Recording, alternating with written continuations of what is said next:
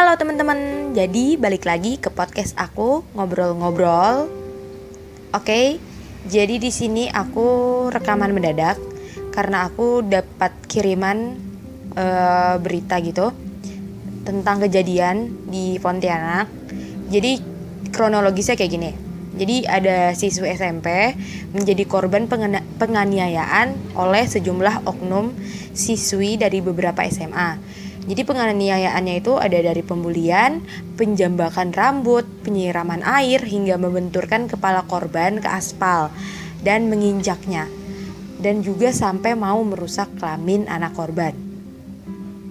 Di sini dia dibully itu belum ada titik terangnya kenapa dia dibully, padahal dia itu cuman dipanggil sama beberapa anak dijemput karena mau ngebicarain tentang kakak sepupunya itu jadi di sini tuh aku mau kasih pengertian dulu tentang bullying biar kita bisa fokus ke masalahnya. Oke, kita bakal ngejelasin dulu bullying itu apa. Bullying itu adalah tindakan mengintimidasi oleh pelaku atau kelompok kepada korban yang dianggap mereka lebih lemah dengan maksud membahayakan fisik, mental, atau emosional melalui pelecehan dan penyerangan. Di sini juga ada data-data yang aku pegang. Yang pertama, menurut data Komisi Perlindungan Anak Indonesia (KPAI), sejak tahun 2011 hingga 2016 ditemukan sekitar 253 kasus bullying yang terdiri dari 122 anak yang menjadi korban dan 131 anak menjadi pelaku. Kedua, data UNICEF pada tahun 2016 sebanyak 41 hingga 50% persen remaja di Indonesia dalam rentang usia 13 sampai dengan 15 tahun pernah mengalami tindakan cyberbullying. Yang ketiga, 80% anak usia 12 sampai 17 tahun pernah menjadi korban bullying. Di sini juga ada aspek-aspek hukum perlindungan anak. Yang pertama, Undang-Undang Nomor 35 Tahun 2014 tentang perubahan atas Undang-Undang Nomor 23 Tahun 2002 tentang perlindungan anak. Yang kedua, pasal 76C Undang-Undang Nomor 35 Tahun 2014. Di sini kan aku udah jelasin nih dari definisi, dari data-data, berapa korban bullying, berapa pelaku bullying, dan juga aspek hukum yang ngelindungin perlindungan anak setelah ini aku bakal masuk ke fokus utama atau masalah utamanya. Ini opini aku. Jadi aku marah banget dan kesel banget kenapa hal kayak gini masih terjadi sampai sekarang. Di bahkan di era per teknologi kita yang udah ningkat jauh banget yang kita makin pinter lah gara-gara teknologi kita makin banyak yang tahu kita makin sudut pandang kita makin luas. Dan anak-anak juga mungkin ngakses ngakses informasi yang baik-baik juga makin mudah gitu. Tapi masih aja ada tindakan kayak gini. Apalagi sekarang kan ada cyberbullying yang mungkin berawal dari komen-komen Instagram sampai akhirnya nyerang pribadi orang yang mereka nggak suka itu nggak suka itu. Ini Kenapa sih pelaku itu bisa ngelakuin bullying? Yang pertama, mencari perhatian. Mereka mau mencari perhatian sama temen mereka, terus mereka juga ngerasa mereka superior, mereka ngerasa mereka jago, mereka ngerasa kalau mereka ngelakuin hal kayak gini ego mereka terpenuhi itu biasanya kenapa mereka ngelakuin ngelakuin hal kayak gitu dan juga itu itu mereka terbentuk karakternya mereka seperti itu juga bisa karena dari lingkungan dari kecil mereka. Yang paling kecil itu dari pola asuh orang tua. Jadi pola asuh orang tua ini bisa gini contohnya. Orang tuanya otoriter terus kasar. Terus selama ini mereka nggak ngelawan tapi hati mereka tuh marah. Akhirnya mereka di luar rumah tuh jadi pribadi yang berbeda. Mereka jadi karakter yang berbeda. Mereka ngelampiasin segala halnya itu mereka lampiasin kemarahan mereka itu di luar bahkan orang tuanya sendiri mungkin nggak akan berpikir anaknya bisa jadi kayak gini. Pola asuh orang tua itu sangat berpengaruh buat karakter anak itu. Karena karakter anak itu terbentuk dari kecil dari lingkungan paling kecil. Kita hidup sama siapa? Sama keluarga sama orang tua kan? Kita terbentuk karakternya itu memang bener-bener dari lingkungan kecil dulu gitu. Jadi hal-hal kayak gini itu sebenarnya nggak uh, bisa dianggap remeh bullying itu. Apalagi nih efek ke korbannya. Traumatis ngerasa terbayang-bayang akan kelakuannya nggak berani ke sekolah uh, mentalnya keserang gitu. Karena aku juga pernah ng ngalamin hal kayak gitu. Pernah ngalamin hal yang merasa aku dipojokin akhirnya aku selama uh, eh, SMP itu dua minggu aku nggak berani ke sekolah nggak berani sama sekali karena aku takut banget di kata-katain gitu. Dan itu mereka nyerangnya padahal di suatu platform gitu media sosial di Twitter kayak kayak gitu. Tapi uh, mental aku keserang banget. Akhirnya aku nggak berani sama sekali buat masuk sekolah buat ketemu mereka aja aku takut. Karena aku takut hal itu terjadi lagi gitu. Akhirnya setelah uh, kita balik lagi ke kasusnya. Akhirnya setelah hal-hal pola asuh orang tua mungkin udah salah lingkungannya juga udah salah akhirnya siklus ini terus meningkat meningkat meningkat. Akhirnya mereka nggak sadar kalau mereka ngelakuin bullying itu karena mereka keras, ngerasa udah nikmat buat ningkatin ego mereka dengan cara hal kayak gitu. Kalau nggak ditegur atau mereka nggak dapet hukuman mereka tuh nggak bakal sadar kalau mereka mereka tuh nggak bakal jerak kalau hal-hal kayak gini tuh. Mereka tuh ngerasa mereka ngelakuin hal kayak gitu tuh fine fine aja. Mereka nggak ngerasa ada apa-apa. Yang penting ego mereka aja yang terpenuhin. Yang penting mereka udah superior aja di depan teman-teman mereka. Mereka bisa menguasai orang lain gitu. Setelah di SMA misalnya di SMA perpeloncoan ospek kan. Biasanya banyak yang kayak gitu gitu tuh. Jadi ospeknya mereka itu mosnya mereka itu pelaku pelaku itu memakai cara mos buat jahatin adik kelasnya buat lampiasin dendam mereka karena mereka pernah dijahatin juga sama kakak seniornya. Hal ini yang harus diputus. Hal yang kayak gini ini harus diputus rantainya. Gini misalnya kamu pernah jadi korban. Kamu pernah dijadiin dijadi ya pokoknya jadi korban bullying. Setelah itu kamu dendam.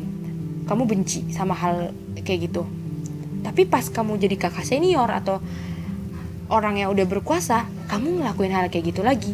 Kamu ngelakuin itu ke bawahan kamu. Kamu ngelakuin itu karena kamu ngerasa kamu harus balas dendam. Kenapa punya pikiran kayak gitu? Kenapa harus kayak gitu punya pemikirannya? Kenapa kalian harus ngebahas hal jahat dengan hal jahat? Kenapa kayak gitu? Gitu kan? Coba pikir baik-baik. Emang apa sih? Emang dengan sensasi-sensasi kayak gitu prestasi kalian ada. Prestasi kalian jadi nol. Sensasi doang yang ditingkatin. Prestasi nggak ada sama sekali. Kayak ngerasa hal-hal kayak gitu bisa bikin kalian tenar.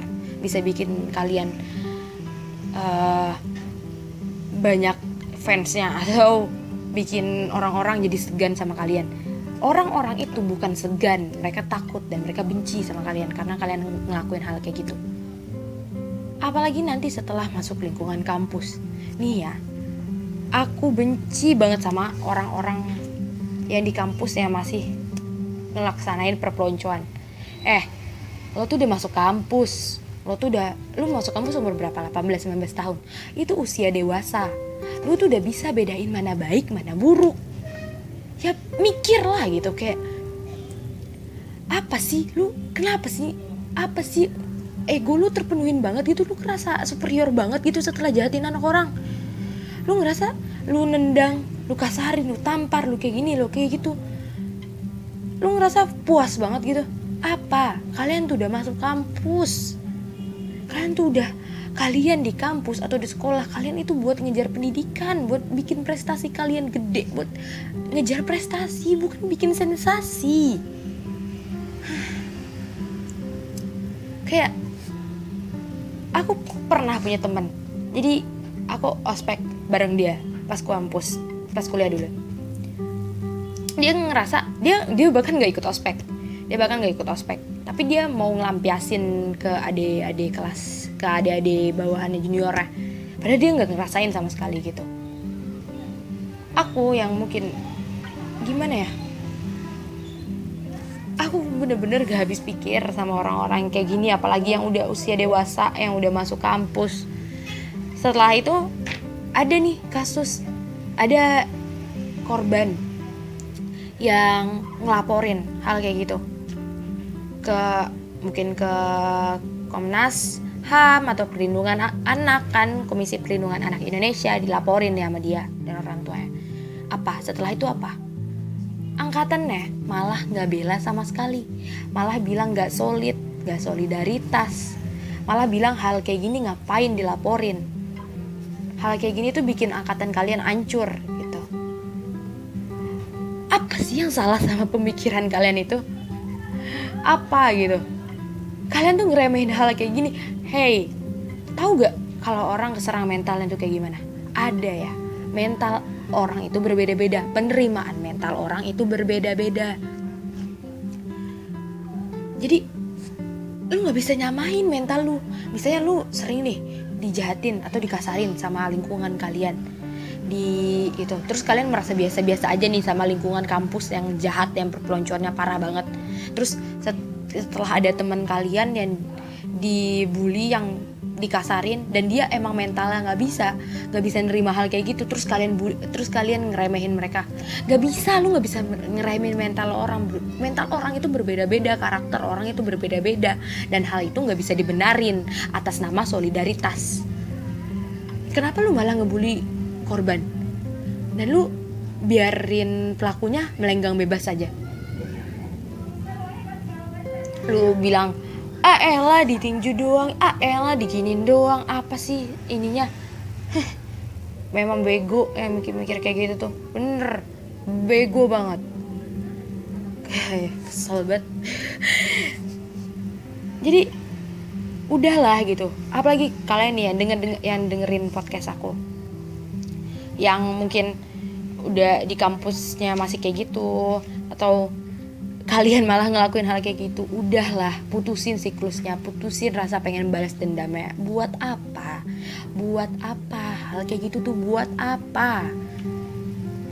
Nggak ada efeknya. Prestasi kalian tuh nggak ada. Ada gitu prestasi membuli anak orang nggak ada. Nggak ada awardnya nggak ada penghargaannya. Udah gitu. Ya aku marah-marah banget ya.